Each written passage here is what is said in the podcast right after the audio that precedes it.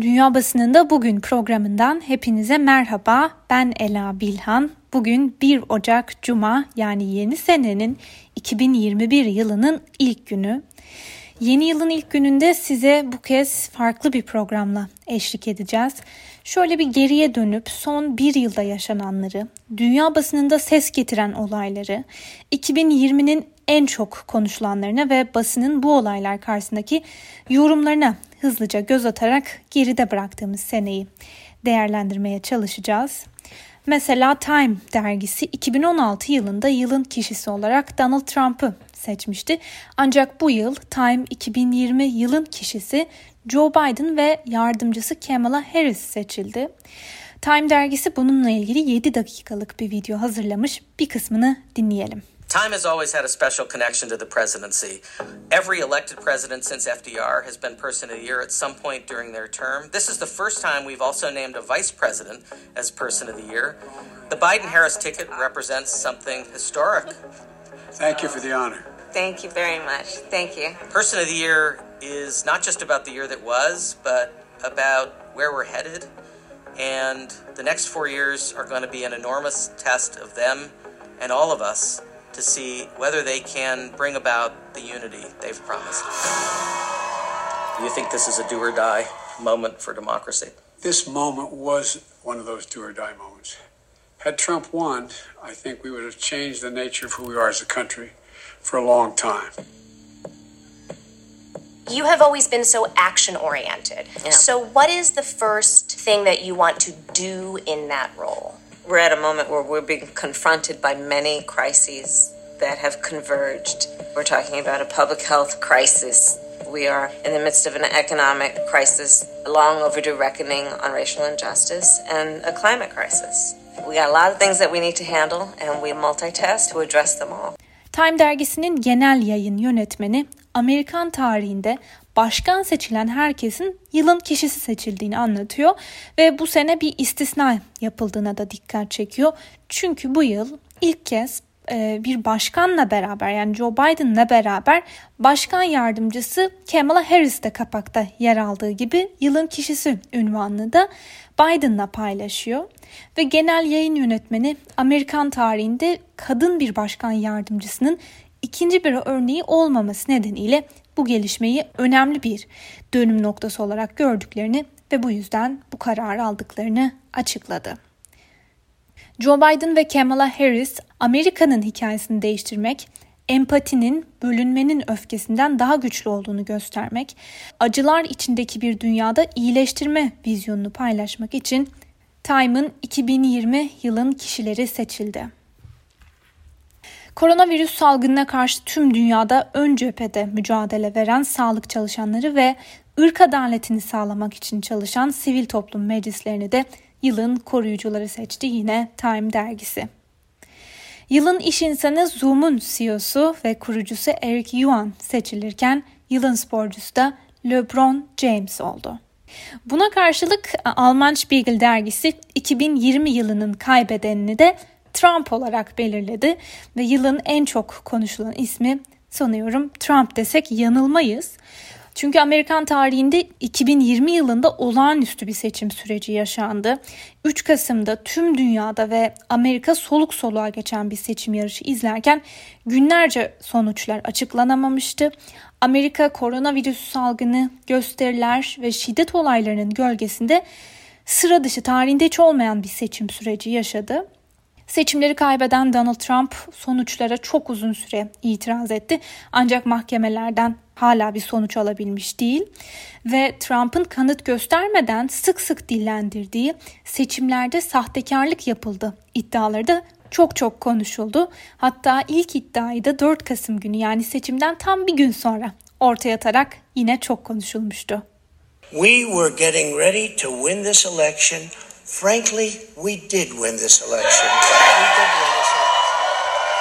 So our goal now is to ensure the integrity for the good of this nation. This is a very big moment. This is a major fraud in our nation. We want the law to be used in a proper manner. So we'll be going to the U.S. Supreme Court. We want all voting to stop.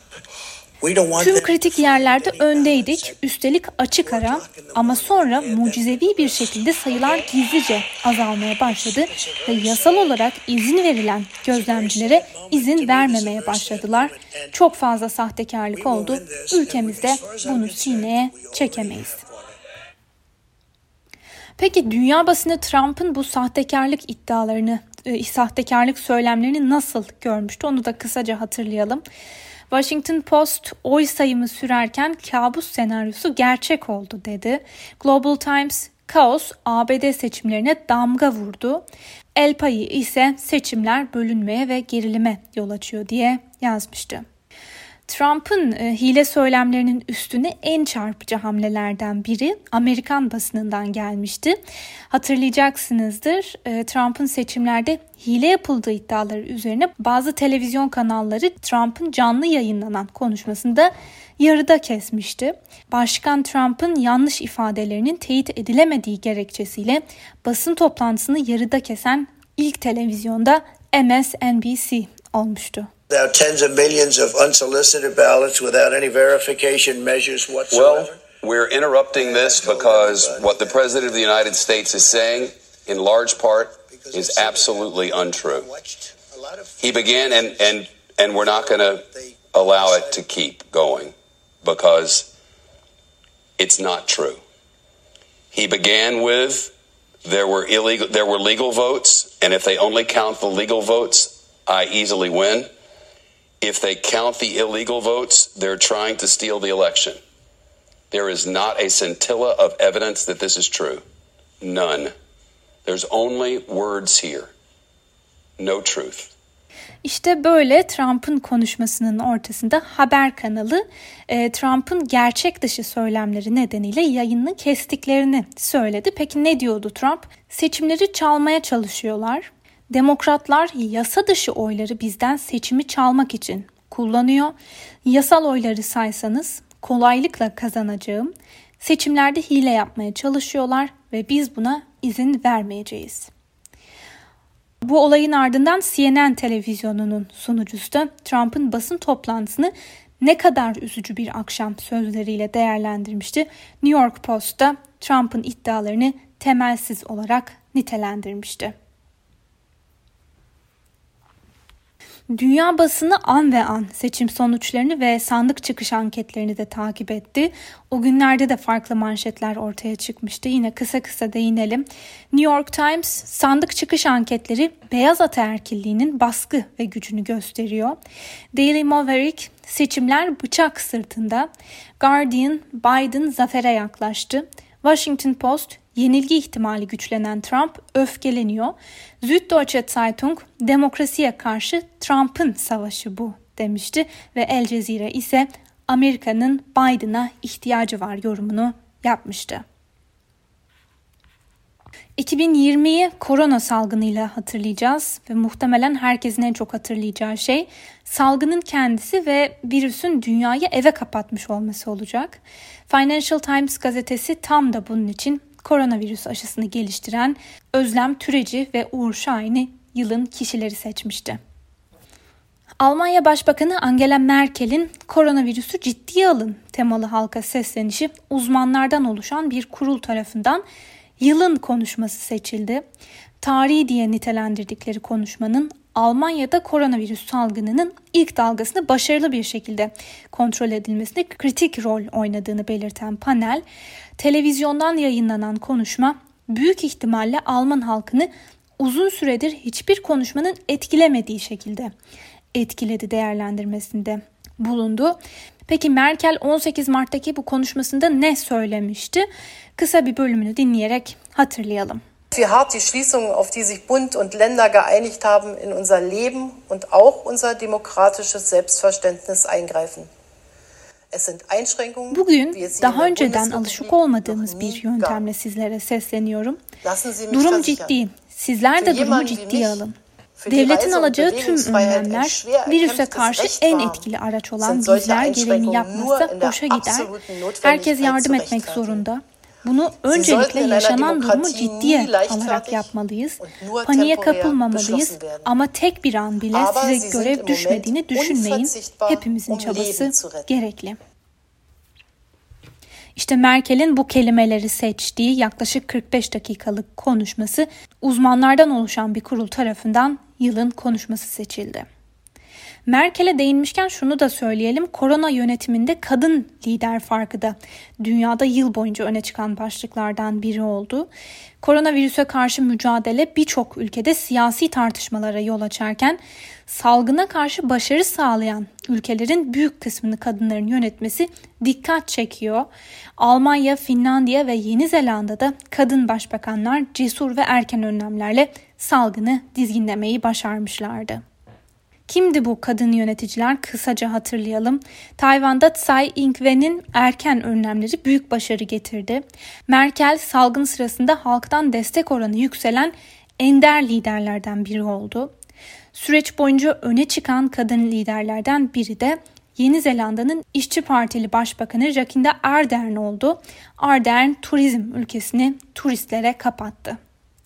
Öne çıkan bir diğer kadın lider ise dünyanın en genç başbakanı ünvanını taşıyan Sanna Marin oldu. 34 yaşındaki Finlandiya Başbakanı 28 Mart gibi erken bir tarihte ilan ettiği tedbirlerle salgının yayılma hızını yavaşlattı.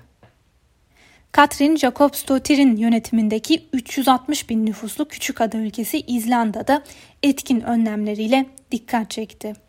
Karayipler'deki 41 bin nüfuslu Sint Maarten adasının kadın başbakanı Silviera Jacobs da aksi yönde bir tavır nedeniyle manşetlere çıktı. Dünya basınına değiniyorken şunu da e, aktaralım. BBC'nin 2020 100 kadın listesinde Türkiye'den de iki isim yer almayı başardı. İlham verici ve etkili 100 kadın listesine Gülsüm Kav ve Hendan takma adıyla tanınan Uygur Türk'ü Müyesser Abdülhed de listeye girdi. İranlı General Kasım Süleymani'nin öldürülmesinden ABD'deki tarihi başkanlık seçimine, Doğu Akdeniz ve Libya'daki krizden Azerbaycan-Ermenistan arasındaki çatışmaya kadar 2020 yılında birçok kriz ve çatışma yaşandı. İşte 2020'de dünya basınına damgasını vuran bazı gelişmeler. İranlı General Kasım Süleymani öldürüldü. 3 Ocak 2020.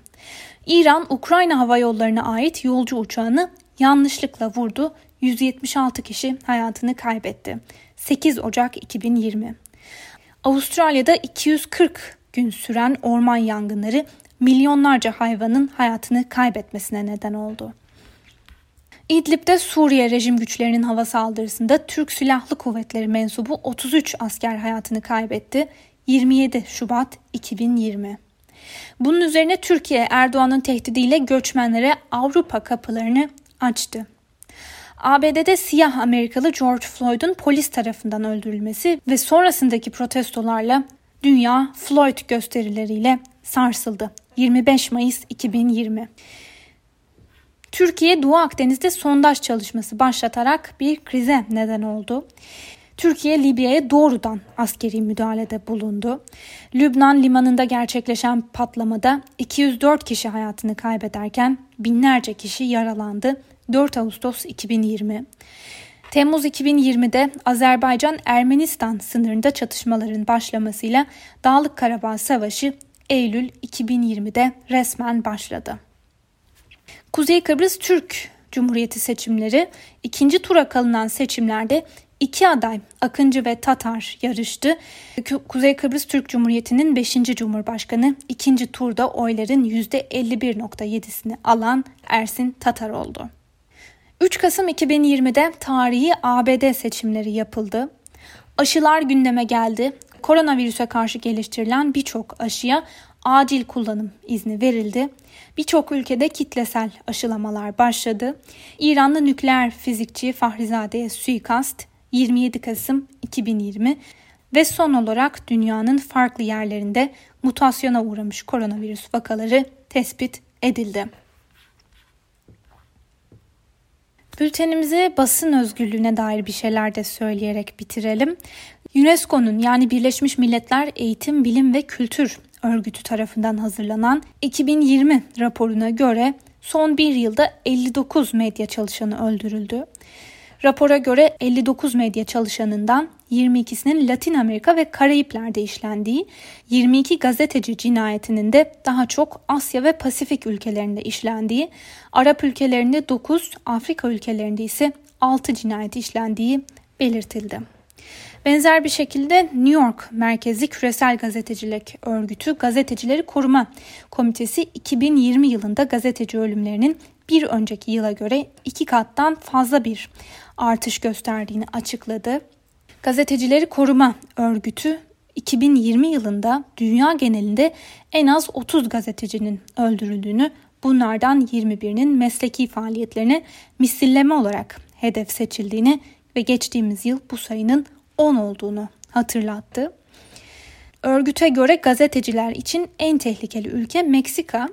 Raporda Meksika'da 2020 yılında en az 4 gazetecinin mesleki faaliyetlerine misilleme olarak hedef seçilerek öldürüldüğü ve bir diğer gazetecinin de olay yerinde fotoğraf çekerken vurularak öldürüldüğü aktarılmış.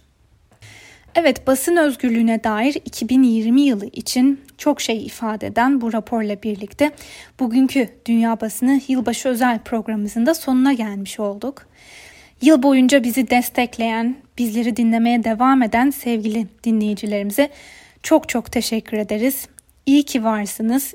2020'nin hepimize mutluluk, sağlık ve özgür bir dünya getirmesini diliyoruz.